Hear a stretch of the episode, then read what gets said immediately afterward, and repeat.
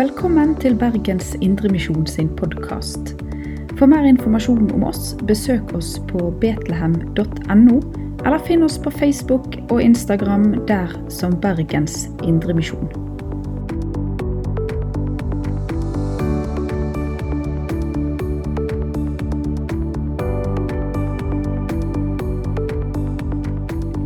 En sen kveld ved et restaurantbord i Chicago så sitter eh, Philip Jensi i en spesiell samtale med en venn.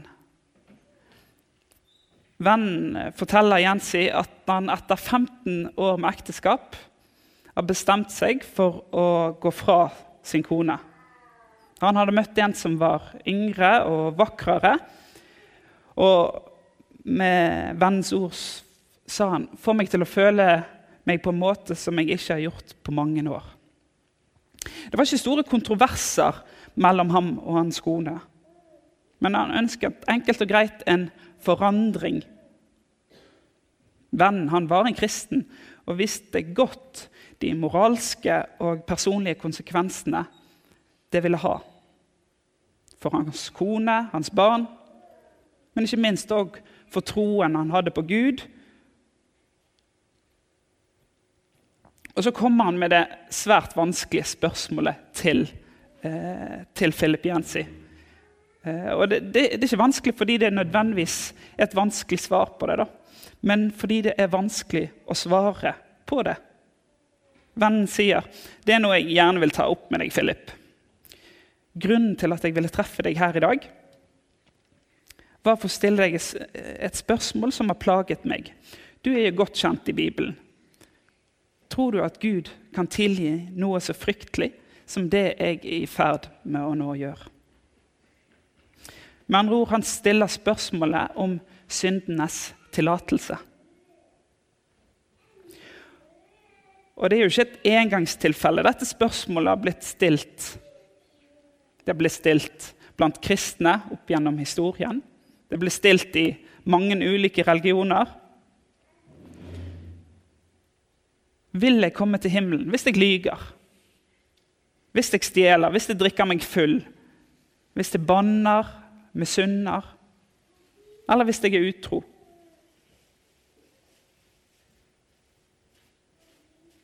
Listen er lang. Hva er grensen Gud tåler av synd før han sier nei? Og svaret, det vet vi jo. Gud har ingen sånn øvre grense for hva han tåler av synd. Hans kjærlighet er uten grenser. Alle syndere kan komme til Gud sånn som de er, med sine synder, store eller små. Og Sånn sett så er jo svaret på spørsmålet ganske enkelt. Men så er det ikke så enkelt å svare på spørsmålet likevel. For hvilke implikasjoner får det når han svarer at tilgivelsen er rett rundt svingen? Det skal vi se nærmere på i dag, og vi skal se nærmere på hva Philip Jensi svarer. Eh, men før det så har jeg lyst til å få litt eh, mer, mer dybde til dette spørsmålet. Og Da skal vi reise oss når vi leser søndagens bibeltekst. Og Den er henta fra Lukas kapittel 6, vers 36-42. Lukas kapittel 6, vers 36-42 og vi leser i Jesu navn. Vær barmhjertig slik deres far er barmhjertig. Døm ikke, så skal dere ikke bli dømt. Fordøm ikke, så skal dere ikke bli fordømt. Ettergi, så skal dere bli ettergitt. Gi, så skal dere få. Et godt mål, sammenristet, stappet og breddfylt skal dere få i fanget. For i det målet dere selv måler med, skal det også måles opp til dere. Han fortalte dem også en lignelse. Kan vel en blind lede en blind? Vil ikke begge falle i grøfta? En lærling står ikke over sin mester, men når han er utlært, blir han som sin mester. Hvorfor ser du flisen i din brors øye, men bjelken i ditt eget øye legger du ikke merke til? Hvordan kan du si til din bror, 'Bror, la meg ta ut flisen av øyet ditt', når du ikke ser bjelken i ditt eget øye? Din hykler. Ta først bjelken ut av ditt eget øye, da vil du se klart nok til å ta flisen ut, ut av øyet til din bror. Vær så god, sitt.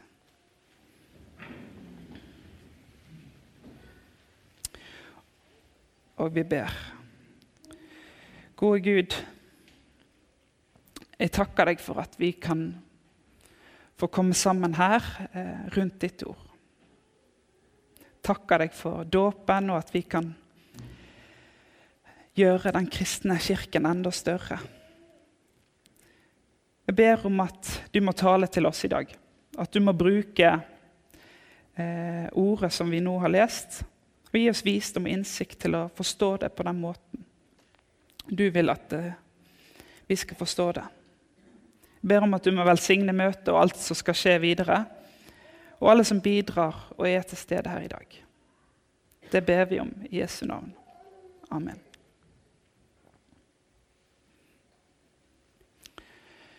Døm ikke. Fordøm ikke, ettergi. Kan vel en blind lede en blind? Din hykler. I det målet du selv måler med, skal det måles opp til dere. Og hvorfor ser du flisen i din brors øye, men bjelken i ditt eget øye legger du ikke merke til? Dette er noen av setningene ordene jeg sitter igjen med etter å ha lest søndagens tekst som er hentet, eller som er et utdrag av slettepreken. Og Jesus taler her om den barmhjertigheten som man forventer av kristne, av sine disipler. Og det settes opp litt som en motsetning til den barmhjertigheten de skriftlærde og de fariserende viser. Og det er et tydelig budskap. Ikke til å ta feil av. Kristne, vi skal vise barmhjertighet. Vi skal ikke dømme, eller fordømme, men ettergi. Og hvordan kan vi leve på den måten Jesus kaller oss til å leve? Til å være Kristi vellukt, være rause, barmhjertige, uten å dømme. Og hvordan kan vi være det og samtidig holde fast på Guds ord, som lærer oss om hva som er rett, hva som er galt, hva som vi skal gjøre, og hva som vi ikke skal gjøre? Og hvordan skal vi forholde oss til dette her i 2022. Opp mot et gudsord som er allmenngyldig, som gjelder i dag òg. Men tiden har skifta. Verden er i endring, og det er Norge òg. I 2012 ble statskirken avvikla. I 2019 så satte Human-Etisk Forbund rekord i antall borgerlige konfirmasjoner. Mens antall konfirmasjoner i Den norske kirke har vært sterkt nedadgående, og I 2018 var det kun 56% av 15-åringer som ønsket å konfirmere seg i Den norske kirke. Alkoholkonsumet i Norge det går oppover. Og siden 1990 frem til 2020 så har det økt med 50% Men blant ungdom så går det nedover. Fra 2000 til 2015 så har vi sett en nedgang i alkoholkonsumet blant unge. En SSB-rapport som forteller det at antall par som er gift, det er andel par som er gift, er nedadgående, mens andel som eh, er i samboerskap, er rekordhøyt og økende. Vi opplever klimaendringer, og 2020 var det varmeste året målt i Norge noensinne. Litt kaldere i Bergen denne sommeren, da. men fremover vil vi oppleve høyere temperaturer, mer nedbør, mer regnflommer og mer skred. Kostholdet til nordmenn har blitt bedre over tid, viser eh, Helsedirektoratet. Og vi spiser mer frukt og grønt og mindre sukker enn det vi gjorde før. Eh, samtidig så spiser vi mindre fisk enn det vi burde, og vi spiser mindre, mer mettet fett enn det vi burde. En SSB-rapport fra 2021 viser at forskjellen mellom fattig og rik de øker. Og det skyldes i stor grad at den 1% rikeste i Norge drar ifra resten. Dette er noen av de trendene vi ser i samfunnet. Og Det er mulig å ha meninger om det, og som privatperson eller i veldig mange sammenhenger så er det naturlig å ha meninger om samfunnsendringer som, som vi ser, som vi merker, og som påvirker oss. Eh, men jeg, jeg skal ikke gå inn på noen av disse her i dag. Og det tror jeg kanskje òg vi som kirke og menighet skal være forsiktige å gjøre. Vi skal være forsiktige med å mene for mye om ulike temaer. For Ser vi til Bibelen, så er det ikke ofte Jesus, Paulus eller apostlene påpeker det moralske forfallet blant prostituerte eller det økonomiske utroskapet blant tollere, drap og overgrep blant den romerske okkupasjonsmakten eller bruk av menneskehandel og slaveri blant jødene. Dette var fullt til stede på Jesu tid. da. Men i stedet så ser vi en annen måte at Jesus kommuniserer på. Og jeg synes Det er påfallende mangelen av samfunnskritikk generelt samfunnskritikk vi ser av Jesus, og noe som vi som menighet og kristne bør ta på alvor. Nå er det jo ikke sånn at Bibelen mangler historier der Gud tar et oppgjør med, eh, med israelsfolket. Eller f.eks. Ninive. Vi kjenner historien om Jonas som ble sendt til Ninive for å eh, be folket der vende seg om fra sitt moralske forfall. Og det gjorde de òg. Israelsfolket de hadde jo sine opp- og nedturer. Eh, I vandringen i ørkenen så ja, gikk, det, gikk det ofte galt. og Gud sendte inn slanger, og jorden åpna seg og slukte mennesker. Som et oppgjør mot det onde blant folket. Og til syvende og sist så vet vi òg at Israel og Judea de ble jo eh, okkupert og folket tatt vekk nettopp pga.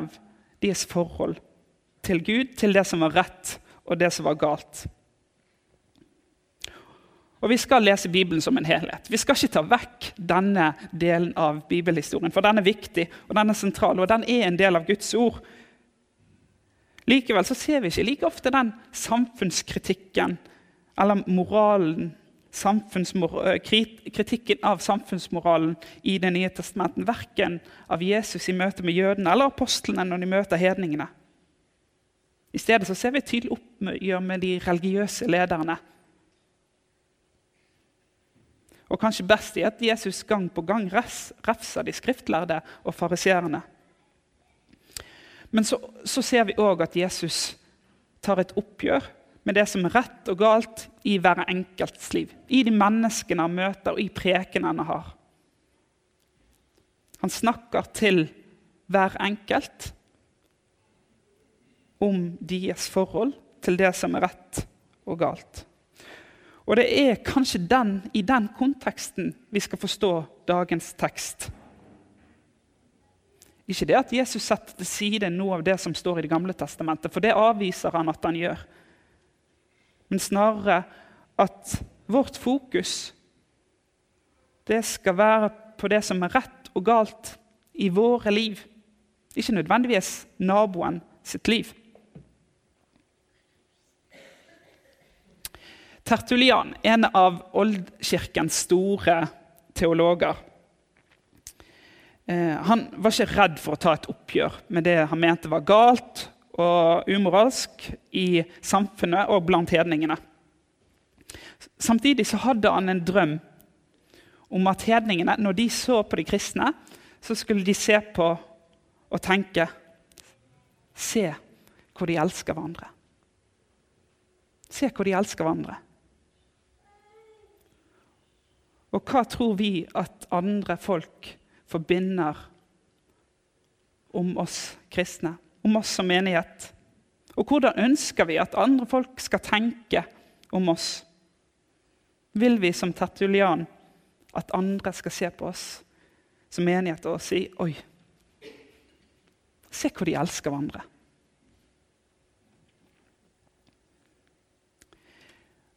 Det offentlige nettstedet ung.no, som er drevet av Bufdir, svarte i august i fjor eh, for et år siden på på et spørsmål fra en innsender. En 17 år gammel jente hadde konfirmert seg borgerlig og angret og ønsket eh, å konfirmere seg i en kirke. Hun hadde tidligere vært ateist, men pga. en tøff tid med korona, med alkohol og rus, så hadde hun blitt en kristen og ønsket å døpe seg. Hun skriver videre. Jeg har gjort så mye feil og dumt at jeg føler at løpet er liksom kjørt kan jeg fortsatt bli kristen, selv om jeg ikke bekreftet at jeg var kristen da jeg konfirmerte meg borgerlig. Og Ung.no de svarer for så vidt greit på, på, på, og gått på spørsmålet og skriver Hei, det er ikke noe problem å være kristen selv om du konfirmerte deg borgerlig. Det at du tidligere i livet var i tvil, er ikke noe hinder for deg i dag. Men så skriver de Mitt råd er at du oppsøker en ansatt i kirken og snakker med henne. Ikke snakk med de aller mest konservative kristne. Det tror jeg kan styre livet ditt i for stor grad. Ikke snakk med de aller mest konservative kristne. Det tror jeg kan styre livet ditt i for stor grad. Svaret ble i ettertid beklaga av ung.no. Eh, og selv om jeg ikke har noe grunnlag for å generalisere og si at dette inntrykket denne ene ansatte hadde av kristne, konservative, er gjeldende for mange, så er det iallfall én person som har et inntrykk av konservative menigheter. Forskningsfunn fra Norge i 2019 viser at arbeidssøkere som med erfaring fra enten en kristen eller muslimsk organisasjon på CV-en har hele 33% lavere sannsynlighet til å bli kalt inn på intervju enn om du ikke har det. Det er ikke funnet ut om hvorfor jobbmuligheten er snevrere for kristne og muslimer som skriver, på, skriver, at de har jobba i, i, slike organisasjoner på, på, på CV-en. Men, men, det skyldes noe i oppfatningen blant de som ansetter, blant arbeidsgiver, om hva det vil si å jobbe i en kristen organisasjon og hvilke assosiasjoner de har til kristent arbeid. Av de fem landene som det var gjort undersøkelse i, var det kun Norge som, der kristne opplevde en sånn forskjellsbehandling. Og Da kommer jo spørsmålet er det mulig å forfekte et klassisk kristent syn på Bibelen uten at vi distanserer oss fra andre. Uten at vi beveger oss vekk fra andre. Ser vi på Jesus, så klarte han å trekke til seg store folkemengder med personer fra alle samfunnslag. Samtidig så ser vi òg at ordene eller forventning Jesus hadde, iblant var såpass harde at folk trakk seg vekk fra ham.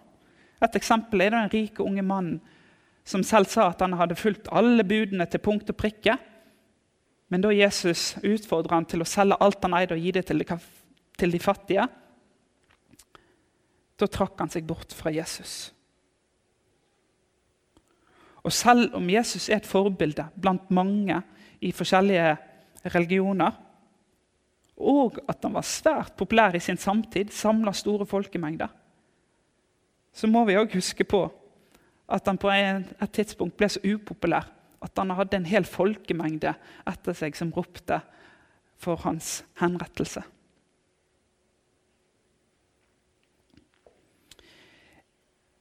Det er ikke Kirkens formål å vinne en popularitetskonkurranse.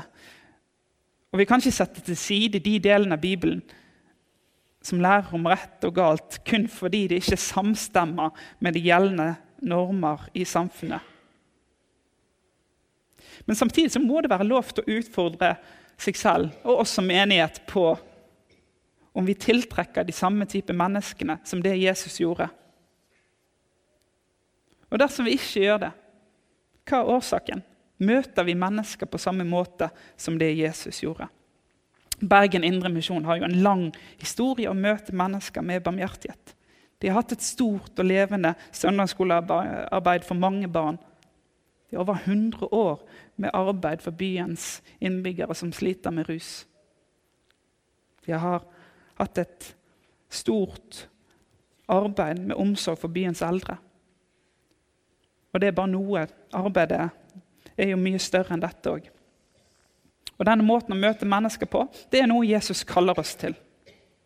Dette er et arbeid som har betydd mye for mange, Folk har fått møte barmhjertighet, og folk har fått møte Jesus. Og Jesus kaller oss i dagens tekst til å møte mennesker med barmhjertighet. Ikke slik som fariseerne og skriftlærde. Hvordan kan vi da formidle Guds ord og loven som en del av den? Hvordan kan vi formidle både lov og evangelium?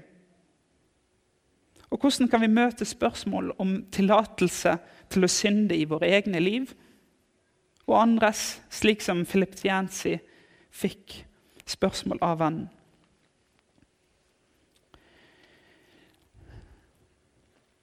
En biskop på 200-tallet etter Kristus han ble sjokkert da han så hengivne martyrer den siste natten i fengsel før de skulle henrettes. De som skulle lide eh, døden for troen på Jesus, henga seg i fyll, festing og hor. Ettersom matyrdøden ville gjøre dem fullkommen, så var tanken kanskje det at da spilte det ikke en rolle likevel om de brukte de siste timene på å synde. Og på samme måte som disse martyrene fra 200-tallet virker det som om vennen til Philip Jensi spør om han har funnet et smutthull i Bibelen. At dersom jeg uansett er tilgivelse for alle synder, så er det bare å komme til Gud i etterkant. Guds nåde er grenseløs. Den gjelder alle, for alle synder. Men det vennen til Philip Jensi ba om, det var ikke syndenes tilgivelse. Han ba om bekreftelse på at det fantes noe som heter syndenes tillatelse. Han ba om en blankofullmakt til å synde. Og Philip Jensi han skriver det at han måtte drikke opp hele tre kopper med kaffe før han klarte å svare på spørsmålet fra vennen. I mellomtiden så grubla han fælt på de harde konsekvensene den radikale nåden får og fører med seg. Hvordan skulle Philip forhindre sin venn i å begå denne forferdelige feilen når han fikk bekrefte at det var tilgivelse rett rundt neste sving? Men det er en ting med nåden som det er verdt å merke seg. Augustin sier Gud gir der han finner tomme hender.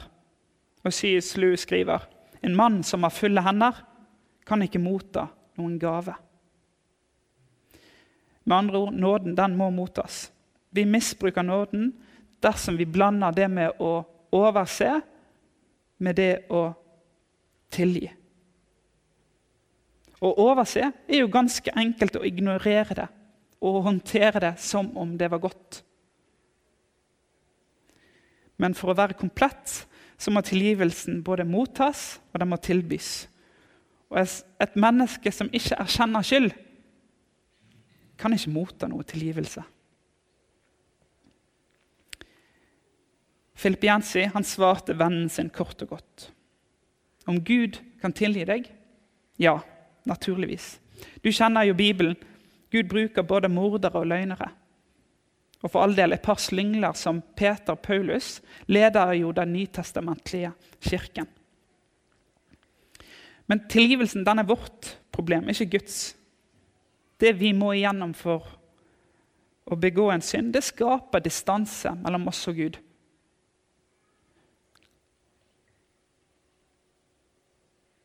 Vi forandres for hver opprørsk handling vi utfører. Og Det er ikke noe garanti for at vi vender tilbake. Philip Jensi fortsetter. Du spør meg om tilgivelse nå. Men vil du noen gang ønske deg, deg den seinere? Hvis den skulle forutsette anger. Noen måneder etter samtalen så fortalte, forlot vennen familien sin. Og Philip Jensi skriver at han ennå har til gode å se noen form for anger. Nå forsøker han å forklare sin beslutning med en flukt fra det ulykkelige ekteskapet. Han har kalt de fleste av sine tidligere venner for smalsporede og dømmende. Og søker i stedet støtte fra mennesker som kan feire denne frigjøringen sammen med ham. Men er han virkelig frigjort? Prisen på denne friheten var at han har vendt ryggen til de som elsket han mest. Han innrømmer òg at Gud ikke lenger spiller noen rolle i livet hans. Kanskje seinere, sier han. Gud han løp en stor risiko da han annonserte tilgivelse på forhånd. Men Bibelen advarer mot å tolke det som en slags syndenes tillatelse. Paulus tar i romerbrevet et tydelig oppgjør med en slik tankegang. Skal vi fortsette å synde så nåden kan bli enda større? Slett ikke. Hvordan kan vi som døde bort fra synden, fremdeles leve i den? Det har vært dåp i dag, og Paulus skriver videre hvorfor nettopp vi som er døpt, ikke skal tenke sånn som denne vennen til Jensi. Eller vet dere ikke at vi som ble døpt til Kristus Jesus, ble døpt til hans død? Vi ble, vi ble begravet med ham da vi ble døpt med denne dåpen til døden. Og som Kristus ble reist opp fra de døde ved sin fars herlighet, skal også vi vandre i et nytt liv. Har vi vokst opp sammen med Kristus i en død som er lik hans, skal vi være ett med ham i en oppstandelse som er lik hans. Vi vet at vårt gamle menneske ble korsfestet med ham for at den kroppen som er underlagt synden, skulle tilintetgjøres, og vi ikke lenger skulle være slaver under synden. For den som er død, er befridd fra synden. Er vi døde med Kristus, tror vi at vi også skal leve med ham. Vi vet at når Kristus er oppreist fra de døde, så dør han ikke mer. Døden har ikke lenger makt over ham. For døden, da han døde, den døde han for synden, en gang for alle. Men livet han lever, det lever han for Gud.